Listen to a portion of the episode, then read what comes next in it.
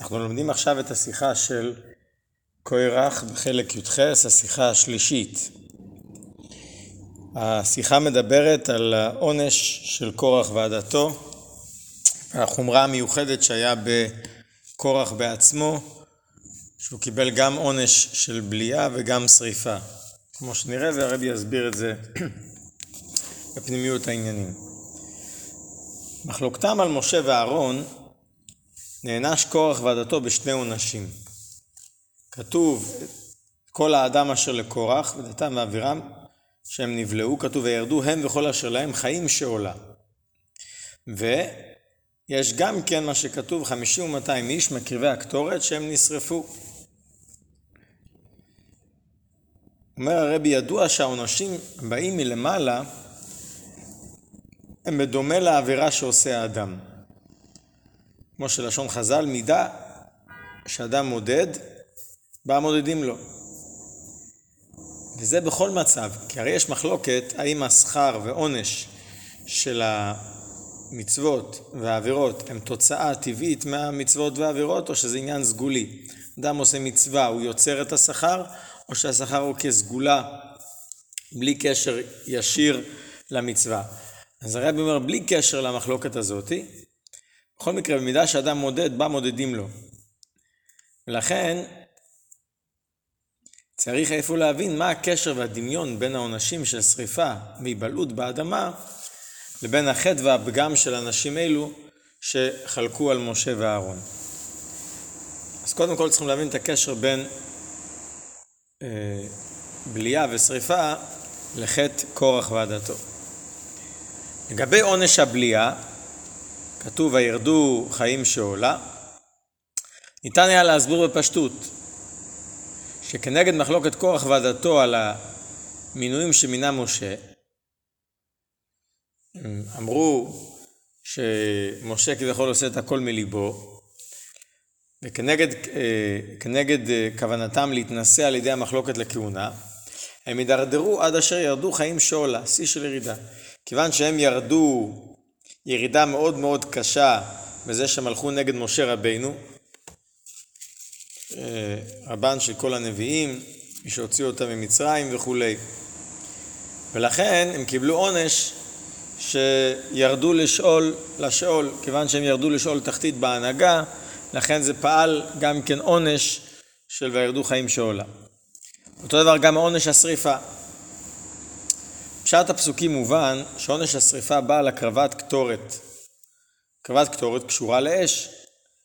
כיוון שהייתה זו אש זרה, הם לא היו כהנים, היה אסור להם להקטיר קטורת, לכן כנגד זה הם קיבלו את העונש אש יצא מאת השם ותאכל אותם. אז זה בכללות למצוא הסבר וקשר בין החטא שלהם לעונש. אך עדיין לא מובן, הרי את הקטורת ציווה עליהם משה להקריב. נכון אמנם שהמטרה הייתה לברר מי האיש שנבחר על ידי הקדוש ברוך הוא, לברר שאהרון הוא בעצם נבחר. הוא אמר להם, האיש שנבחר השם הוא הקדוש וכולם עובדים, אבל לא זה, המח... לא זה החטא שלהם, החטא היה המחלוקת. עצם העניין של הקרבת קטורת, זה משה רבינו אמר להם לעשות את זה כדי לברר מי הצודק ומי, ומי לא צודק. כמו שכתוב בפסוק, החטאים האלה בנפשותם. כלומר, שנעשו פושעים בנפשותם שנחלקו על הקדוש ברוך הוא. אם כן, אז עיקר המחלוקת, עיקר החטא הוא המחלוקת. לא זה שהם הקטירו קטורת זרה. אז לכאורה קשה מה הדמיון בין עונש השריפה לחטא עצמו של אה, קורח ועדתו. יותר מכך, הקדוש ברוך הוא ציווה שיעשו מחטאותיהם ליקויי פחים, ציפוי למזבח. למה? כדי שיהיה לאות ולזיכרון שיאמרו אילו היו מאותם שנחלקו על הכהונה. יהיה ציפוי על המזבח וכל הזמן ייזכרו באותם אלה שחלקו על הכהונה. אם ככה, ואם נאמר שהם נשרפו בגלל הקרבת הקטורת, אז חסר העיקר באות, שזהו עונש על אשר נחלקו.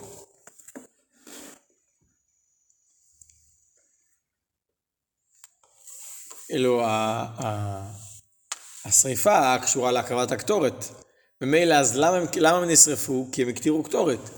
אז למה זה אות וזיכרון על המחלוקת עצמה? זה אות וזיכרון על זה שהם קיבלו עונש שהקטירו קטורת זרה. היה צריך להיות אות וזיכרון מהחטא עצמו, מעניין שקשור למחטא עצמו. הכרח איפה לומר שהעונש של נשרפו עצמו קשור לזיכרון שיאמרו אלו הם אותם שנחלקו על הכהונה. אז צריך להבין מה הקשר בין שריפה לחטא שלהם שהם חלקו על כהונת אהרון ועל משה רבינו. דומה לכך גם דרוש הסבר, גם לגבי עונש הבליעה. נכון אמנם שעכשיו התעכבנו על השאלה מה הקשר בין השריפה לחטא של קורח ועדתו, ועניין הבליעה לכאורה הסתדרנו.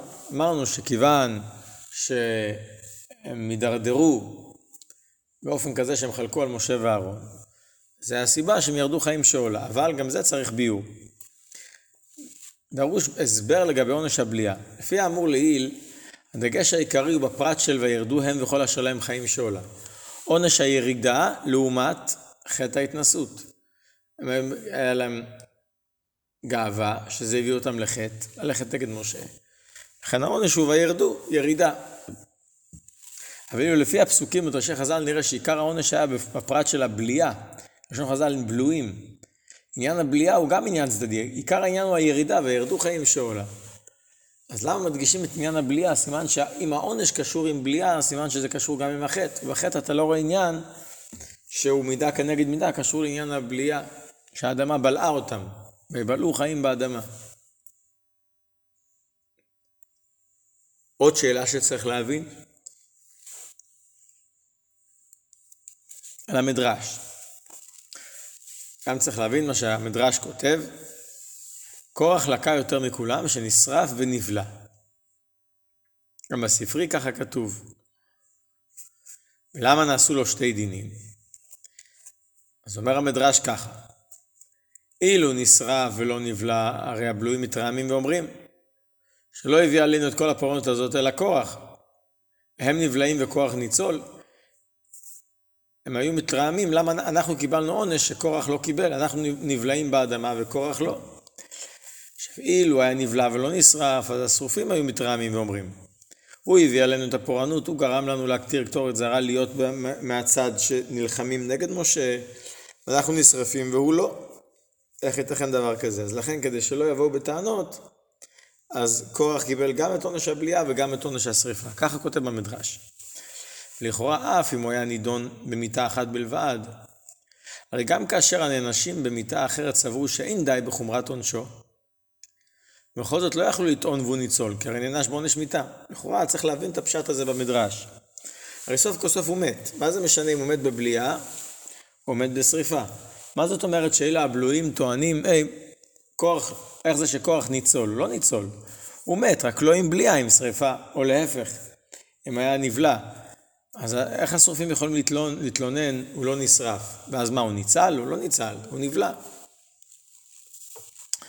אז כדי להבין את הפשט הזה במדרש, בעצם את כל השאלות ששאלנו, דמיון של העונשים לחטא ואת הטענה, את ההסבר במדרש, למה הוא קיבל שתי עונשים, יש להבין תחילה מה הייתה הנקודה העיקרית במחלוקת קורח.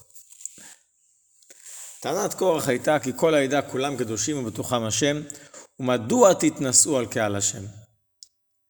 כלומר, הוא רצה שלא יהיה הבדלים בין יהודים. מה זה מדוע תתנשאו על קהל השם? אנחנו כולנו שווים. לא יתנשא יהודי אחד על אחרים. כך לפי דעתו צריכה להיות האחדות בין ישראל. כולם שווים.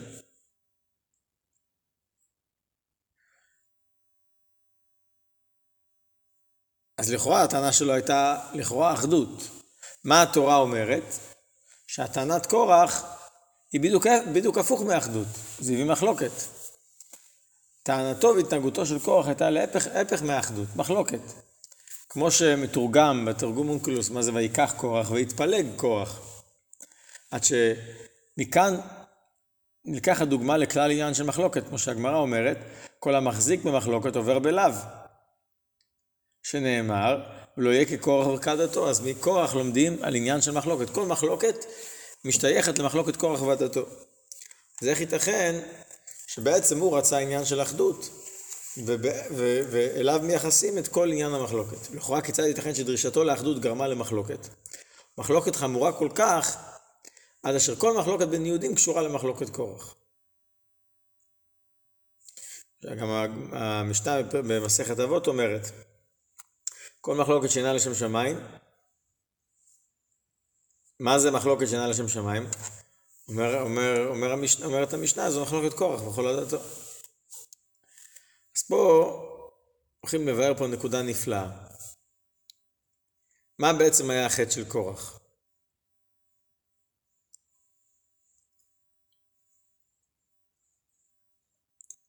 ההסבר לכך נרמז בתשובת משה רבינו בוקר ויודע השם.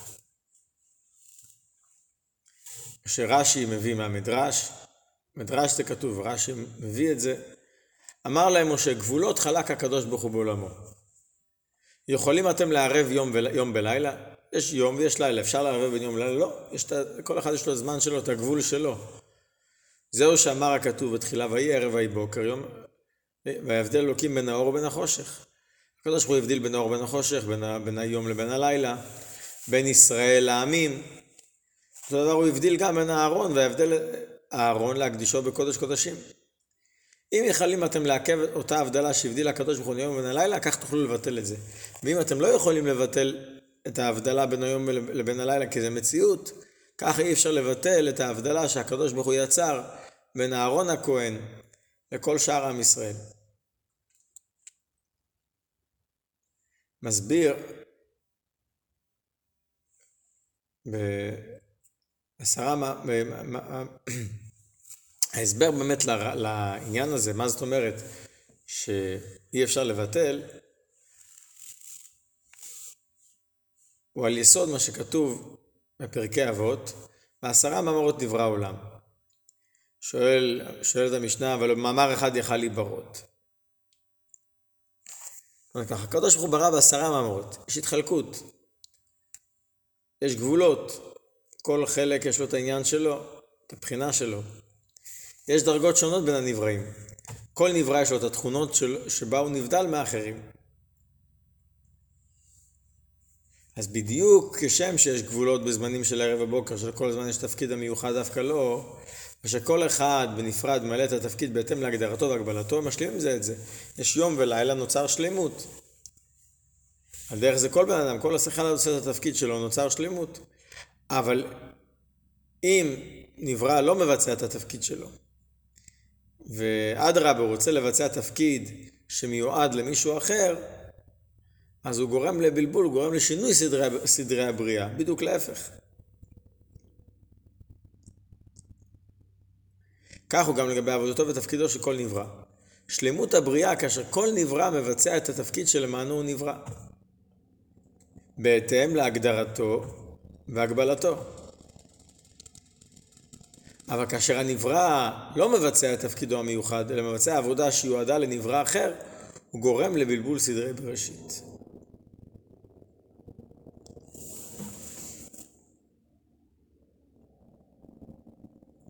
מה באמת ההבנה בזה?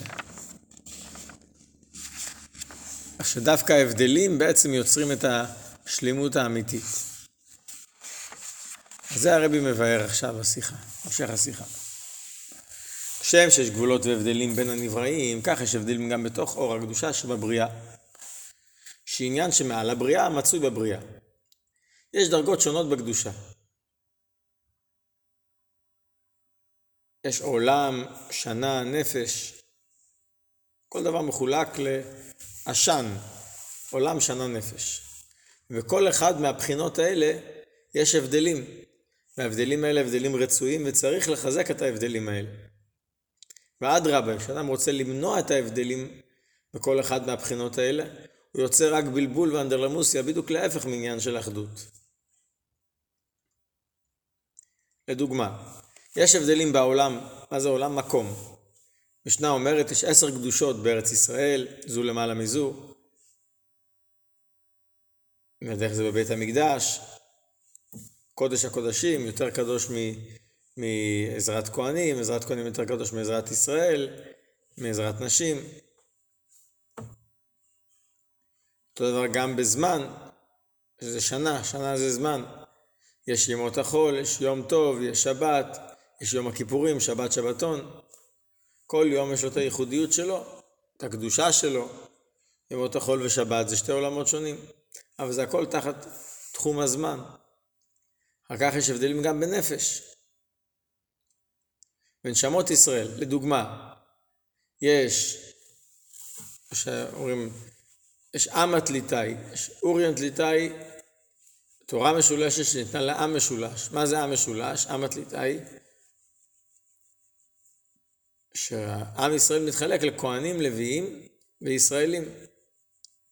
בתוך הכהנים עצמם גם יש כהן אדיוט, סגן כהן גדול, כהן משוח, כהן גדול. יש גם עשרה סוגים בעם ישראל, ראשיכם, שבטיכם, חוטב עציך, עד שואב ממך. כל אחד יש לו את התפקיד המיוחד שלו. כשם שאצל הנבראים צריך שלא ישנו תפקידם, שכל נברא ימלא את תפקידו המיוחד לו, ולא את תפקידו של האחר. וכך דווקא מושג מצב של שלום בבריאה. וזוהי הנהגת העולם כפשוטה, ששלום ואחדות קיימים רק כאשר אין האחד משיג את גבול רעהו.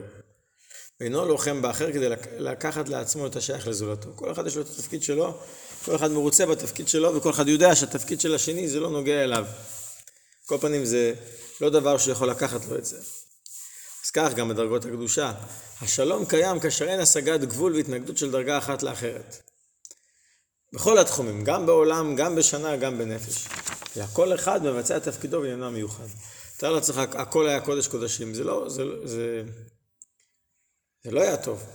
צריך שיהיה מקום שהוא קודש קודשים, מקום שהוא קודש, מקום שהוא חול. ההבדלים הם, הם חשובים. אותו דבר גם בשנה. תאר לעצמך, כל, כל השנה הייתה שבת, כל השנה הייתה חגים, זה לא היה טוב. אי אפשר, זה היה, אי אפשר היה להתקיים ככה, צריך שיש, אנחנו, יש ימים קדושים, אבל ביחד עם זה יש גם ימי החולין. צריך לדעת איך אני מקדש את ימי החומר, את ימי החולין, אבל לא להפוך את ימי החולין לשבת, להפוך שהכל יהיה שבת, מפורש לא. וגם נפש. כולם היו כהנים גדולים, כולם היו רבנים גדולים. זה בדיוק להפך מעיקר המטרה. זה לא אמור להיות ככה.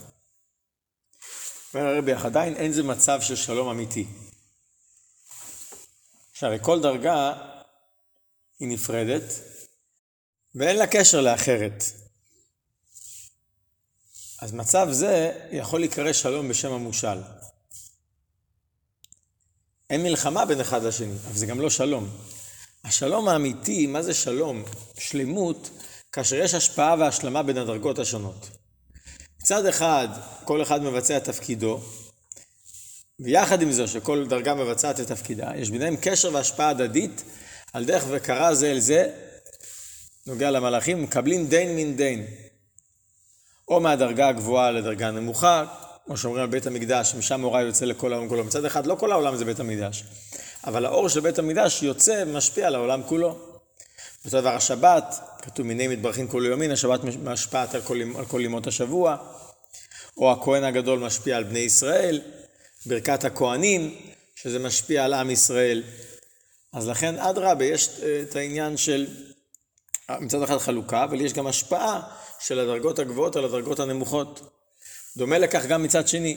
המשכן ובית מקדש נבנו מלכתחילה מנדבת כל אחד מישראל, כולם יש להם חלק במשכן. השראת הקדושה במשכן ובית המקדש קשורה לקורבנות שישראל מקדישים ומביאים. אז אדרבה, זאת אומרת, אז כולם יוצרים את הקדושה, כולם יש להם חלק בקדושה המיוחדת שיש בבית המקדש. על דרך זה גם בזמן, בשנה. לא רק קדושת יום טוב תלויה בעבודת ישראל. ישראל הם מקדשים את החודשים, ומילא מקדשים את החגים. אלא גם לגבי שבת נאמר הכלל, מי שטרח בערב שבת יאכל בשבת. המשמעות הפנימית של זה הוא שקדושת השבת אצל יהודי היא תהיה יותר נעלית יותר ויותר אה, גבוהה ככל שעבודתו בששת ימי השבוע היא יתרה. זאת אומרת, כמו ששבת משפיע על ימות השבוע, אז גם ימות השבוע משפיעים על השבת שתהיה באופן נעלה יותר. על דרך זה עם ישראל פועלים את הקדושה של בית המקדש. על דרך זה בנפש. הגמרא אומרת לגבי הכהן וקידשתו לכל דבר שבקדושה. מכבדים אותו לפתוח ראשון, לברך ראשון, ליטול מנה יפה ראשון. ומפשטות הביטוי וקידשתו, שעם ישראל, לכאורה לא כתוב לחבל וכיבדתו וקידשתו. זאת אומרת שמתווסף קדושה לכהן על ידי עם ישראל. זה לא רק עניין של כבוד שמכבדים אותו, נותנים לו להיות ראשון, אלא בזה שמכבדים אותו בעצם גם מוסיפים לו קדושה. זאת אומרת, מעבר לזה שהכהן משפיע קדושה מהעניין שלו, מהכהונה שלו לעם ישראל, גם עם ישראל מוסיפים בקדושת הכהן. אז רואים פה את השלום וההרמוניה, שאחד משלים את השני ואחד מוסיף בשני. כל זה כאשר יש שוני והבדל בין הדרגות, אך כל אחד משפיע על האחר. דרך אגב, בהערה פה הרב מתייחס, דבר מאוד מעניין. לכאורה, אתה אומר שיש לכל אחד את הגבולות שלו, איזה, יש ימים קדושים, ימי חולין, יש מקום קדוש וכולי. הרי לכאורה, יש לאדם אפשרות להוסיף מחול על הקודש. בכל, בכל החלקים, גם בעולם, גם בשנה, גם בנפש. בעולם, אדם יכול להפריש מעשר, תרומה, קודשים, אדם יכול להוסיף, אה, על פי ההלכה אפשר להוסיף על העיר ירושלים, על האזהרות, על ידי מלך וכולי, אבל אפשר. בשנה יש תוספת שבת ויום טוב. בנפש יש מושג של קניין עבד כנעני, או אדם מגייר גר, גוי מגייר אותו, אז הוא מוסיף, הופך אותו גם כן להיות יהודי, מוסיף לו בקדושה. ועל דרך זה ב- ביהודי עצמו, כתוב שהגם שיהודי, יש לו כל אחד את העניין שלו, כל איש ישראל, אומר הרמב"ם, שנדבה רוחו אותו, הרי זה נתקדש קודש קודשים, שהוא יכול לזכות לדרגה של קדושת הכהן. אז, אז לכאורה הוא יכול להוסיף, אז הוא יכול לשנות כביכול, אה, או להגדיל את תחום הקדושה בעולם בשנה בנפש. אומר הרבי, לא, זה שאדם עושה את זה, זה גם בכוח התורה, על פי ציווי הקדוש ברוך הוא. הקדוש ברוך הוא הציב גבולות, אבל הוא מצווה ונותן כוח לאדם שבאופנים מסוימים, בזמנים מסוימים, הוא יוכל להרחיב את גבול הקדושה. אז לכן, אז כאשר אדם עושה את זה, זה, זה על פי ציווי השם, זה לא דומה למצב שאדם משנה מהקביעה שהקדוש ברוך הוא קבע. כמו שכאשר אדם משנה מהשליחות, בטלה השליחות. אדם משנה בכלל מההגדרה ואומר לא, הכל זה בית המקדש. לא, יש בית המקדש, זה, אבל יש לפעמים מצבים שאפשר להוסיף טיפה, להוסיף בקדושת האזהרה, בקדושת ירושלים. וכולי. כמו שיש מצווה ויש הידור מצווה, התורה בעצמה מאפשרת מצב של הידור מצווה, שהמצווה תעשה באופן הרבה יותר מושלם, הרבה יותר נעלה. אז זה גם חלק מציווי התורה. נחזור חזרה לעניין. אומרים, דווקא כשיש הפרדה, אז יוכל להיות בעצם שלמות ושלום באופן נעלה יותר.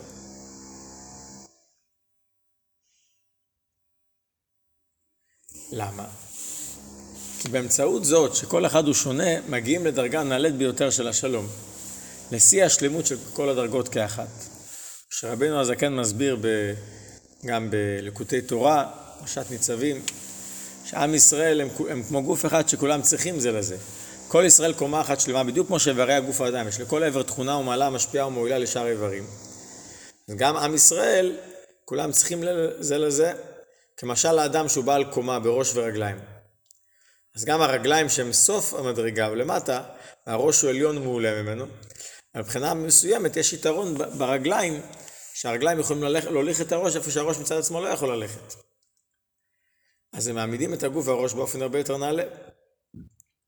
וגם כשקורה איזשהו כובד בראש כתוב, אז אדם מקיז דם באחד מהאיברים, זה מבריא גם את הראש וכולי. אז יוצא שאין שלמות לראש בלי הרגל. ככה כל עם ישראל זה קומה שלמה, ולכן אין שלמות לחלק מעם ישראל בלי החלק השני. אז אותו רעיון, השלמות הוא דווקא שמבינים שהם קומה אחת שלמה וכמו גוף אחד שלם, שכולם צריכים זה לזה. כשחסר אחד מהאיברים, לא רק חסר אחד האיברים, כל הגוף סובל מזה שחסר אחד האיברים. אז אמנם כל הוא יש לו את המיוחדות שלו, אף על פי כן אחד משלים את השני. כך גם בתחום המקום, עולם. השלמות של הדרגה הנעלית ביותר מתוך העשר קדושות, שזה קודש הקודשים, כאשר עשר קדושות הם, כאשר ישנם מכל עשר קדושות. אם יחסר מהעשר קדושות, אז חסר בעצם גם בקדושה של קודש הקודשים.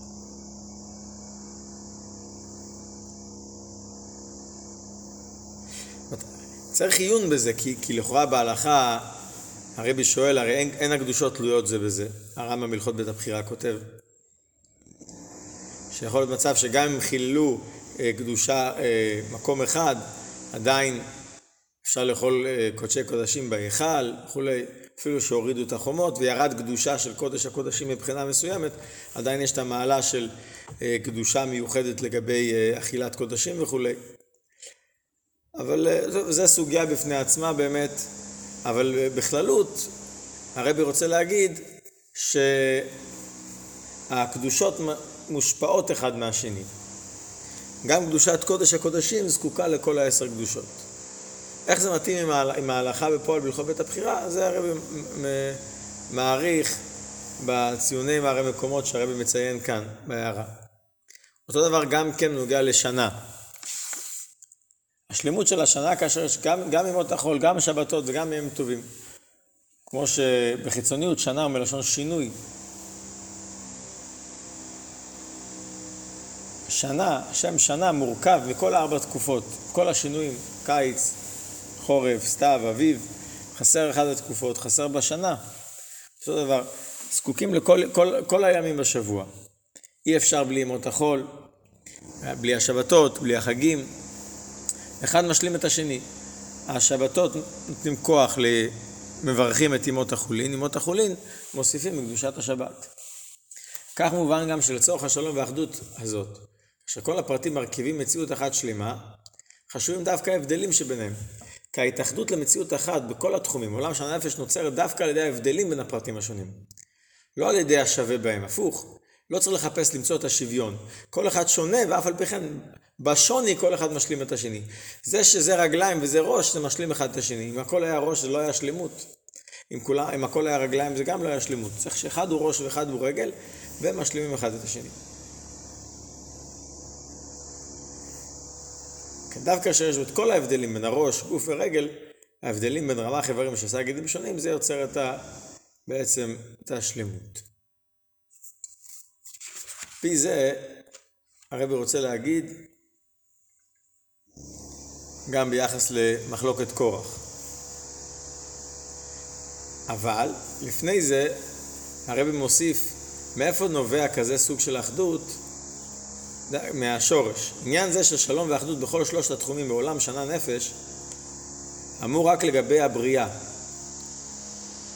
כל הנבראים, שזה כולל גם עולמות עליונים, עשרה ממורות נברא העולם.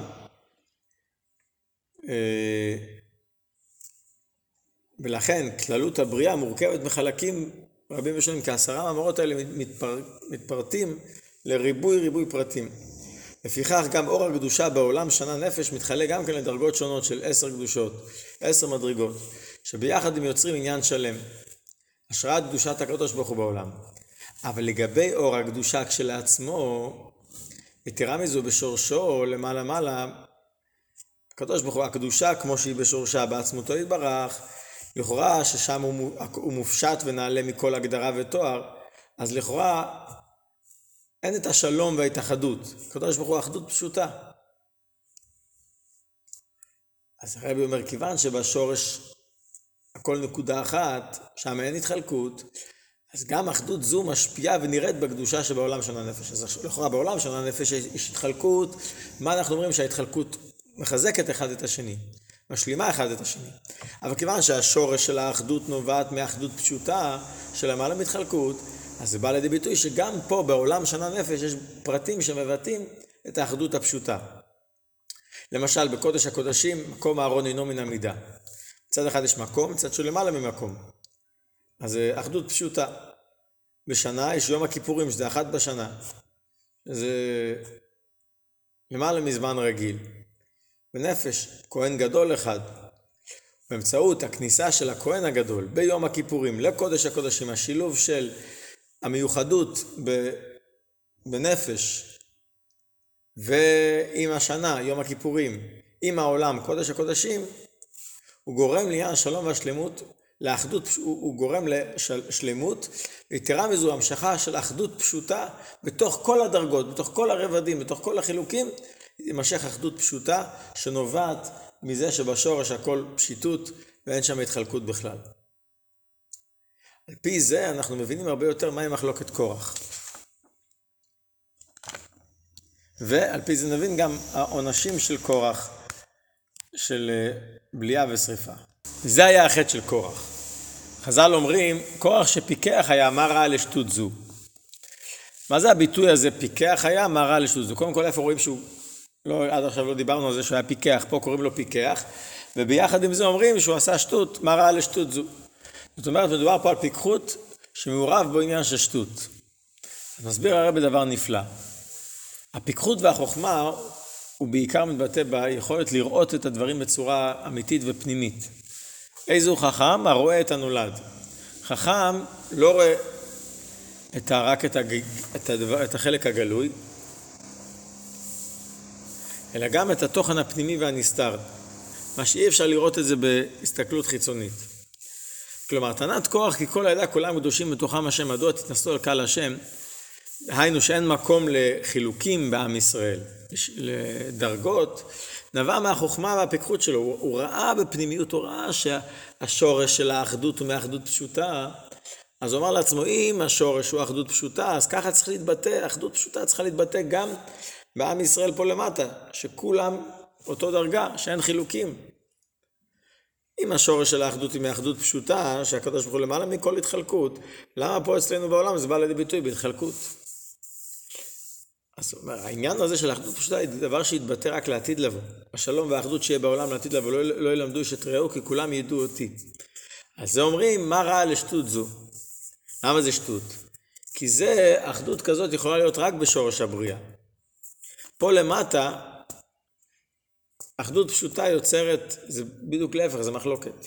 כדי שתוכל להיות אחדות צריך שיהיה התחלקות. זה עולם של יש ומציאות ופירוד. וביחד עם ההתחלקות, לראות ולפעול את התחושה איך שבעצם אחד משלים את השני. להרגיש ולחוש שאנחנו משלימים אחד את השני, ובזה יתבטא, יתבטא האחדות פה למטה בעולם. ורק אז יוכל להתגלות גם האחדות הפשוטה של הקדוש ברוך הוא. וכל עוד שלא מתגלה האחדות ברובד הזה, במובן הזה, אז לא יכול להתגלות הרובד יותר עמוק של אחדות. וזה הפירוש. מצד אחד הוא היה פיקח. היכולת שלו לראות את מעלת האחדות הפשוטה זה מצד הפיקחות, אבל זה שטות במובן זה שהוא חשב שאפשר להגיע לזה היום, ובעצם אי אפשר בלי השלב הראשון. על פי זה אנחנו נבין גם את ה... גם לגבי העונשים. אבל לפני זה הרב אומר ככה, ההסבר למה שהוא אמר, כל העדה כולם קדושים במידה שווה, ולכן גם, מה הוא אמר? שלכן גם ישראל יכול להיכנס לבית המקדש, להקריב קורבנות, קטורת. כי... אז, וזה, זה היה, זה היה מחלוקת קורח. מה הוא אומר? כל העדה כולם קדושים, כולם יכולים להקריב קטורת, כולם יכולים להקריב קורבנות. אז אם אתה מחפש משהו שהוא לא, חל... לא העבודה שלך, אתה רוצה לעשות משהו שהוא העבודה של השני, זה יוצר את הפילוג, זה יוצר את המחלוקת. מה ההבנה בזה? כי הניצוץ האלוקי אצל כל יהודי מקבל את ההשפעה, אם מדובר לצורך העניין השפעת הקדושה, באמצעות עבודת הכהן הגדול.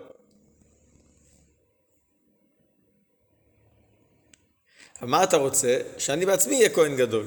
לקבל את זה בצורה ישירה. אני לא מסוגל לקבל את האופן ההשפעה בצורה ישירה, כי אני לא כהן גדול. אז מה זה גורם? זה גורם שלא רק שאתה לא מקבל את השראת הקדושה שאתה אמור לקבל דרך הכהן או דרך הכהן הגדול, הפוך. אתה חושב שאתה מסוגל להגיע לדרגה גבוהה ואתה לוקח את אותו אור הקדושה ומוריד את זה למקום יותר נמוך, יותר, יותר, יותר גרוע. אתה מבליע את הקדושה במקום לדעת לנצל את הקדושה בצורה נכונה, על ידי שתקבל השפעה והערה מהכהן הגדול, תוכל לנצל את אור הקדושה שקיבלת בצורה נכונה, אתה לוקח את אור הקדושה בצורה חזקה גדולה, בצורה הרבה יותר נעלית, ואתה לא מסוגל להשתמש עם זה כי ככה הקדוש ברוך הוא קבע, וממילא זה גורם לך עניין של, אתה מבליע את האור הקדושה, האור הנעלה הזה שאמור להיות, אה, להביא לשלמות גדולה יותר, ואתה מוריד את זה לש, למקום נמוך יותר, אתה מעלים עליו. ממילא העלמה הזאת נקרא בליעה, זה היה עונש הבלויים.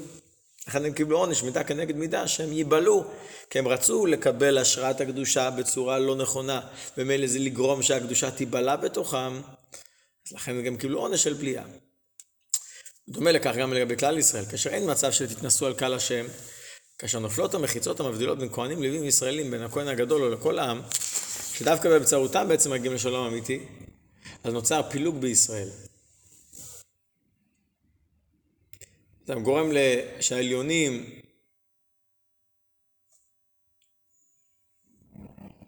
מתפלגים מהתחתונים עושה הפרדה. במקום שיהיה ייחוד ביניהם, שהתחתון ירצה, ישלים את העליון והעליון ישלים את התחתון, זה גורם שכל אחד בעצם יהיה הפוך מהשני ויגרם בעצם למחלוקת פה. פיצוץ, כמו שאומרים. לא מסתדרים יחד. זה גם העונש, זה גם הסבר לעונש השרפה. כך מובן כיצד העונשים של שרפה ובליעה זה מידה כנגד מידה. כנגד חטא המחלוקת, הם קיבלו את שתי העונשים של שריפה ובליעה. כי שתי העונשים האלה מבטאים את הפילוג ואת המחלוקת שהם יצרו כורח ועדתו. על ידי שריפה, מה, מה קורה בשריפה? מתכלים ומסתלקים החלקים הנעלים והזקים ביותר של החומר הנשרף.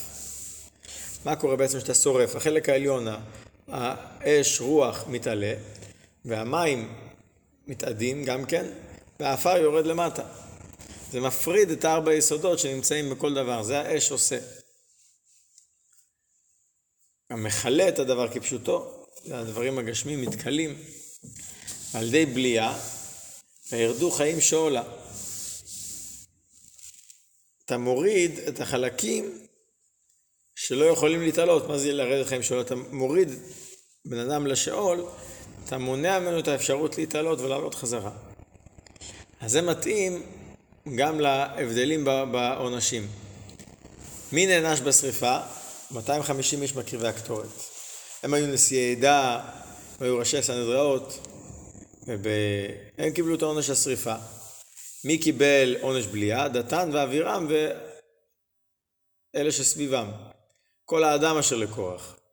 אנשים יותר נחותים, לא ה-250 ראשי סנהדראות, והם נקראו שם והם נבלעו באדמה.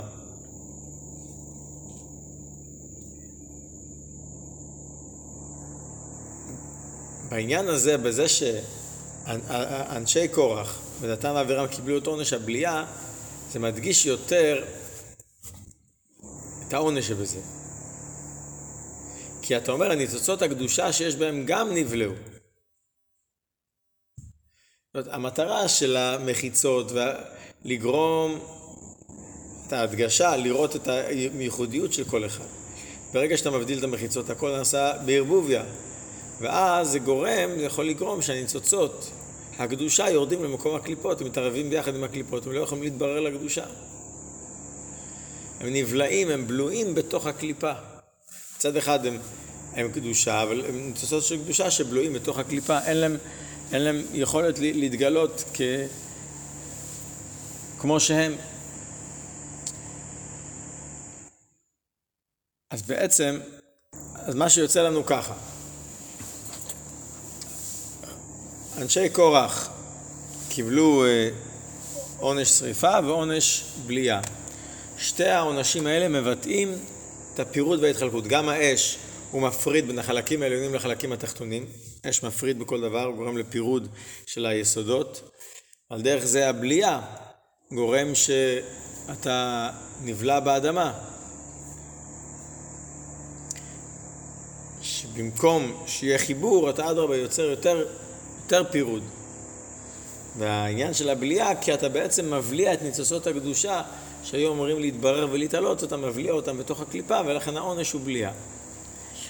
אז על פי זה גם נבין את המדרש. המדרש אומר שאלה שנשרפו אמרו, היי, אם הוא לא ישרף, אם, אם הוא לא היה נשרף, היו אומרים, למה הוא ניצול? הרי מה, מה זה משנה, מה פירוש הוא ניצול? הרי הוא מקבל עונש. אלא אם הוא המקור למחלוקת, אז העונש שלו צריך לכלול את שתי החלקים של הפירוד והפילוג.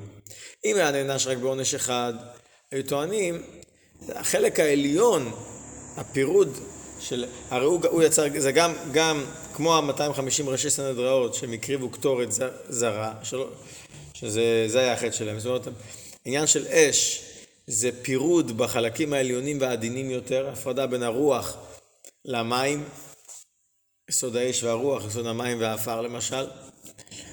אז הוא אומר, אתה היסוד, אתה היסוד של המחלוקת, אתה לא מקבל עונש שריפה. ולאידך, אם היה נענש רק ב... בשריפה, אומרים, אבל אתה הבאת את המחלוקת. אז אתה גרמת לניצוץ, לניצוצות האלוקיים של הקדושה שייבלעו בתוך הקליפה. אז איך זה שלך אתה לא מקבל את העונש הזה של בליעה, מה שמתאים להדעת קורח. לכן קיימו בו שתי העונשים, גם, גם נשרפה נשמתו, הרובד העליון שהיה פה פירוד ברובד הרוחני, גם התגלגל עד מקום הבלויים ונבלע, שבזה הוא גם כן קיבל את העונש גם בגוף. אז לא היה... כן. מעניין, לפי זה אפשר לומר, קורח לא נזכר במפורש, לא עם הנשרפים ולא עם הנבלעים. כי בכל אחד מתגלה רק פרט אחד. השריפה, אתה רואה עניין של הפירוד ברוחניות. בבליעה זה הפירוט בגשמיות. אצל אה, קורח היה בעצם שתי העניינים. לכן מצד אחד הוא לא מוזכר בתור אחד מהם כי הוא לא, לא בתור פרט, אצלו עניין עיקרי, מרכזי. וזה באמת אצלו היה בשווה גם, גם עניין כזה וגם עניין כזה. מה אנחנו יכולים ללמוד מזה אלינו? יש כאלה טוענים שלמען השלום וקירוב, קירוב לבבות, אז לא צריך להקפיד על מחיצות שהקדוש ברוך הוא קבע בעולמו. שזה כולל להשמיט את המחיצה בין גברים לנשים בעזרת נשים, או צירוף למניין, או לערבב גויים בתוך עם ישראל, בגירות, להקל בגירות, להכניס גויים כביכול לעם ישראל, לערבב אותם, לגרום עניין של התבוללות מאוד מאוד חזקה. אז בעצם, כשההפרדה היא לא מושלמת, גם האחדות לא יכולה להיות מושלמת. בדיוק להפך, אתה רק יוצר מחלוקת גדולה יותר. במעשה כוח אנחנו לומדים הוראה. כאשר מבטלים את הגבולות שחלק הקדוש ברוך הוא בעולמו, נוסף לעיקר שזה הפך מתורת משה, תורת השם, שבעצם בזה אתה חולק על הקדוש ברוך הוא, אתה גם לא מביא שלום, אתה הפוך, מביא פירוד הלבבות. ודברים שהם שונים או הפוכים זה מזה, לא ייתכן חיבור רק על ידי מחיצה. כמו, כמו שחיבור בין מים ואש יכול להיות רק כאשר יש למשל מחיצה. בסיר אתה שם מים, אז הסיר הוא מבדיל בין האש למים, ואז המים יכולים להתחמם. אבל אם אתה שופך מים על אש, אתה לא עושה בזה כלום, לא, לא, אין לך פה שום, שום אה, חיבור ביניהם. הפוך, או שהמים מכבים את האש, או שהאש מעדה את המים, וזהו. רק כאשר מחזקים את המחיצות והגבולות שחלק הקדוש ברוך הוא בעולמו, שכל אחד ואחד מתנהגים בהתאם לתפקיד שלשמו ברא, ברא, ברא אותם הקדוש ברוך הוא, אז נוצר שלום. תחשבו שיש ראשי ערים, כל, כל העיר יהיו ראשי ערים. זה בדיוק יגרום למחלוקת הכי גדולה. או שאליהו הנביא אה, איחל לאלה שהוא רצה לקלל אותם, שכולם יהיו ראשים. זה בדיוק הפוך מעניין של ברכה.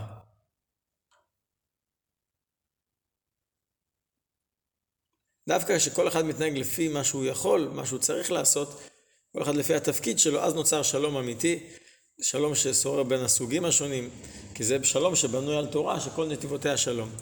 על ידי כך זוכים לתקופה שלא יהיה לא מלחמה ולא קנאה ולא תחרות, שיבוא משיח, ואז יוכל להיות שלום ושקט יתן לישראל בימיו, למרות שגם אז יהיו ישראל נבדלים מאומות העולם, עמדו זרים וראו צונם, אבל יהיה ויתקן את את כל העולם כולו לעבוד את השם יחד, אז יהפוך עולם משפה ברורה לקרוא כולם בשם השם, אז יהיה ניכר בגלוי האחדות שכולם ידעו אותי בצורה אה, מושלמת.